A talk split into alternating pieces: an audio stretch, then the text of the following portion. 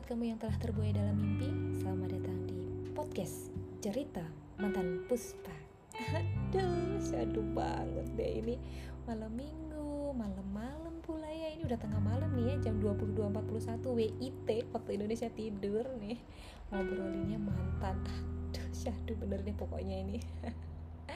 Selamat pagi, selamat siang, selamat sore, selamat petang, selamat malam, dan selamat apa pun deh buat kamu yang kebenaran lagi ngedengerin cerita dan ocehanku hari ini ya. Puspa di sini menyapa kamu di bawah langit cendrawasih, langit bumi cendrawasih yang cukup cerah dan sepertinya udara dingin sudah nggak malu-malu lagi nih menyapa aku di dalam kamar dan udara dingin mulai menelisik masuk di balik jendela-jendela kamar aku. Oke, teman-teman semuanya sudah masuk hari ke-8 di tahun 2022. Buat kamu yang lagi ngedengerin podcast ini, BTW, sudah menulis resolusi apa nih kalian di tahun yang sudah berganti ini? Uh, sudah menulis 1, 2, 3 atau malah mungkin sudah berhalaman-halaman ya mimpi-mimpi yang kalian sudah tulis, kalian sudah canangkan untuk kalian capai di tahun 2022. Ngobrolin soal resolusi nih teman-teman semua. Uh, di awal 2021 dulu aku juga pernah nulis loh tentang resolusi aku di tahun kemarin. Beberapa hal yang pingin banget aku capai, baik untuk aku pribadi, ke project bareng anak-anak, atau quality time aku bareng dengan suami dan beberapa hal sih terkait beberapa kegiatan atau pemberdayaan masyarakat di tempat tinggal aku saat ini. Honestly, jujur banget aku aku nulis itu sebenarnya bukan untuk gaya-gayaan karena memang saat itu sekitar aku nih teman-teman aku memang lagi banyak yang nulis tentang resolusi. Mereka nulis baik di jurnal, lewat bullet jurnal, lewat uh, berbagai macam media jurnaling yang lain atau membuat status di sosial media dan segala macam gitu. Tapi bener jujur banget aku nulis itu nggak buat ikut-ikutan nggak buat latah nggak buat keren-kerenan. Tapi lebih ke apa ya lebih kayak buat jadi pengingat buat aku pribadi sih oh. Aku ini udah on track atau belum ya sama semua hal yang aku impikan dan aku tulis di dalam papan impian yang aku taruh di salah satu dinding di ruangan kerja aku.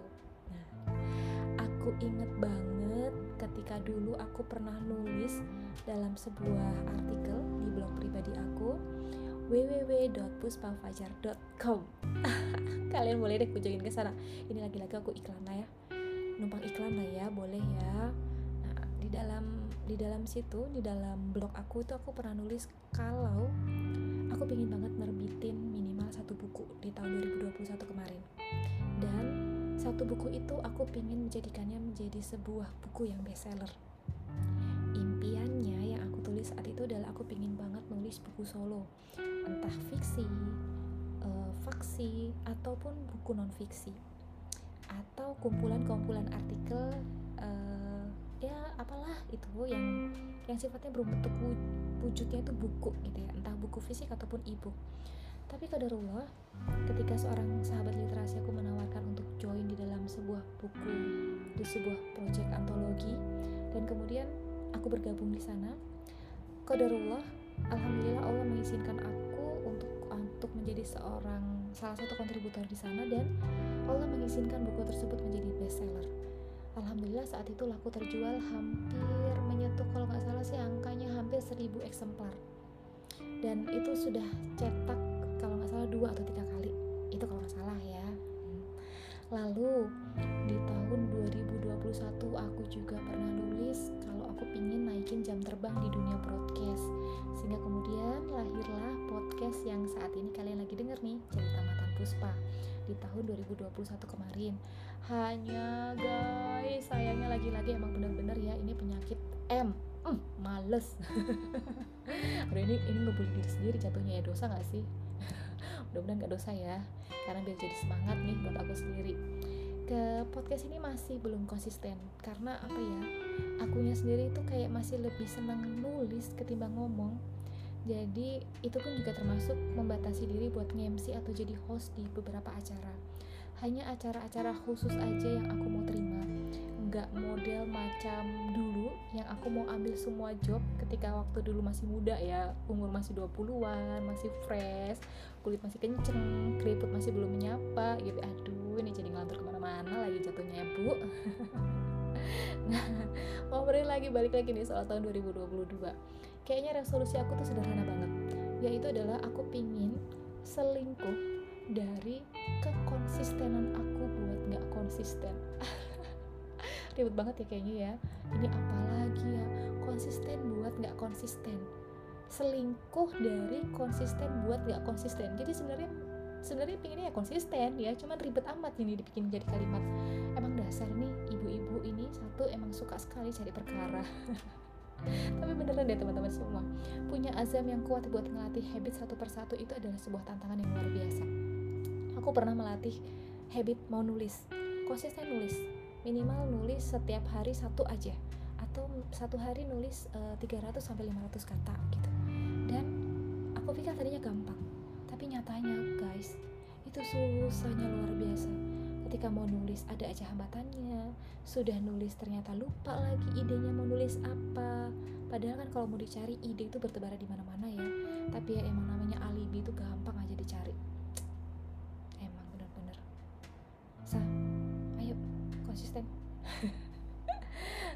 termasuk uh, dalam hal dunia literasi pun aku juga pingin banget konsisten buat mengkayakan diri dengan banyak banyak literatur ya. Tujuannya sih biar bisa semakin melenturkan otot literasi dan nggak terengah-engah saat uh, otak ini dipaksa untuk menulis yang sifatnya maraton. Lalu kemudian hmm, dalam hal interaksi sosial di usia aku yang saat ini rasa-rasanya tuh udah nggak bukan bukan waktu lagi buat ngoyo untuk cari pertemanan yang sifatnya luas. Tapi bukan berarti aku membatasi diri untuk berteman dengan kawan dan relasi baru loh ya. Tapi ini kayak kayak lebih apa ya? E, lebih kayak ngejagain pertemanan yang saat ini udah ada. Menjadikan hubungan pertemanan yang saat ini sudah ada itu menjadi lebih berkualitas.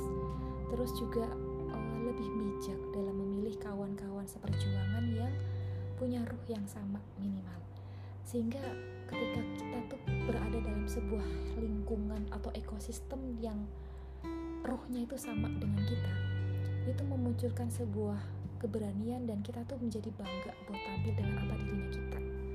Bukan menjadi apa yang mereka mau tentang diri kita. Apalagi kayak beberapa pengalaman aku yang kemarin hari-hari kemarin kayaknya tuh Allah lagi sayang banget sama aku dengan Allah menguji aku mendatangkan teman-teman yang uh, yang gak sepaham. Teman-teman yang ternyata bukan teman. Teman-teman yang hanya datang ketika dia mau aja dengan kita. Ketika dia sudah tidak mau dengan kita dia lepeh. Apa ya bahasa lepeh itu? Dia membuang kita memuntahkan semua hal yang tidak baik dari yang dia simpan tentang kita dan menyebarkan rasa tidak sukanya dia itu kepada orang lain.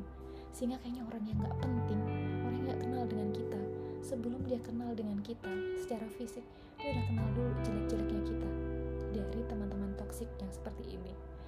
Jadi salah satu hal yang membuat aku pingin adalah aku punya teman yang yang sehat pertemanan yang sehat jauh dari teman-teman yang toksik mudah-mudahan kalian semua juga memiliki teman memiliki hubungan pertemanan dan ekosistem yang mendukung terhadap mimpi-mimpi dan semua hal menjadi harapan kalian?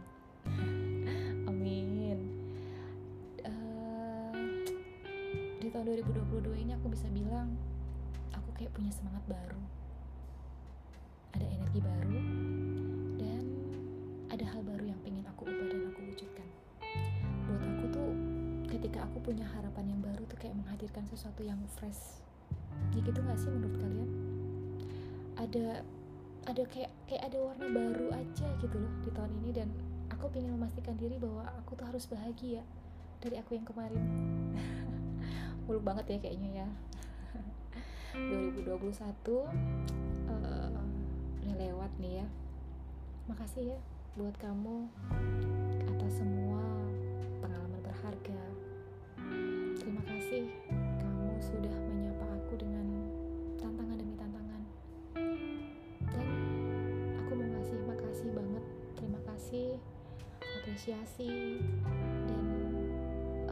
berjuta rasa syukur buat diriku sendiri yang gak pernah menyerah dengan apa pun keadaan kemarin.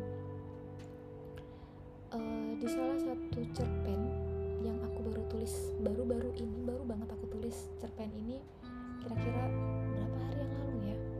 Beberapa hari yang lalu lah. Judul cerpennya itu adalah Rahasia Sinaga.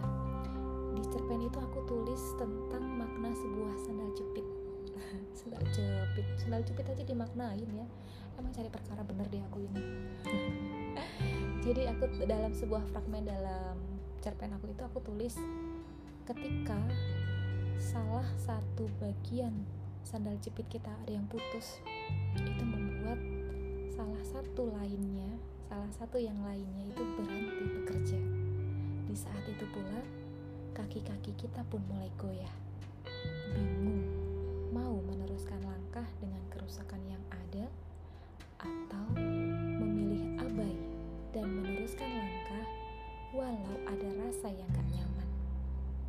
tapi ada juga sih yang memilih membuang keduanya, ketimbang mempertahankan.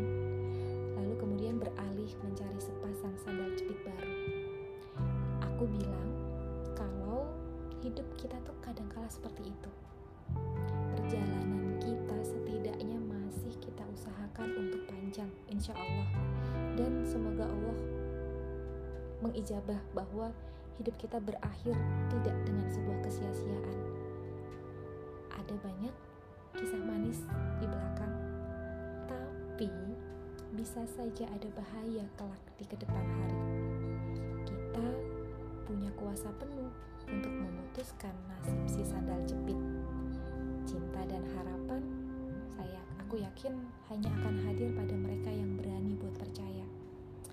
Jadi, hari ini aku lagi ngomong sama diriku sendiri.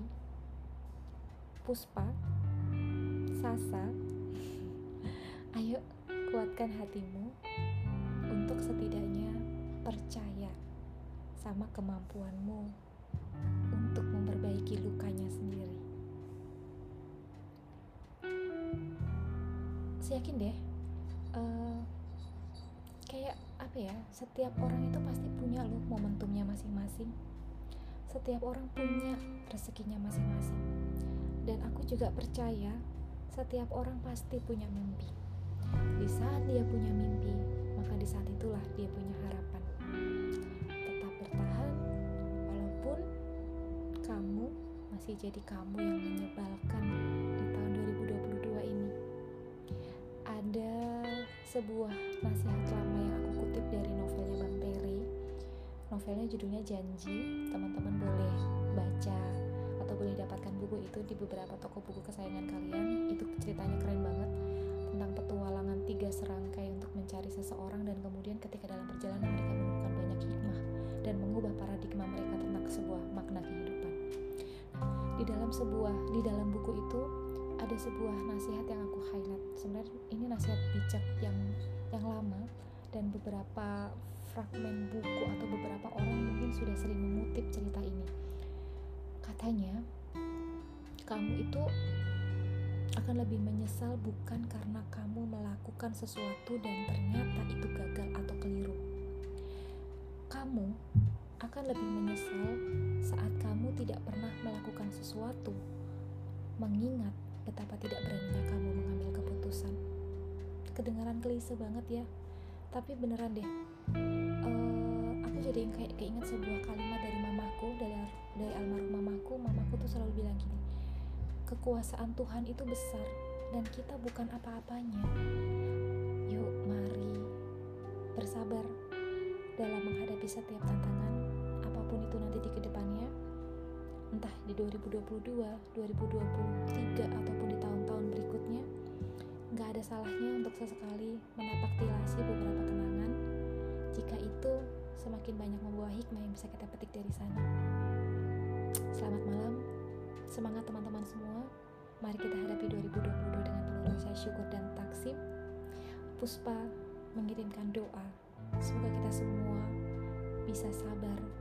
Kita berhasil untuk menghadapi tantangan di 2022 dan kita menjadi pemenang dengan apa yang sudah kita inginkan. Selamat meraih mimpimu. Puspa doakan dari sini, semoga kamu semua sehat dan bahagia. Sampai jumpa di kesempatan berikutnya. Jangan lupa untuk terus dengarkan podcast Cerita Mantan Puspa. Wabila Taufik wal Hidayah. Wassalamualaikum warahmatullahi wabarakatuh.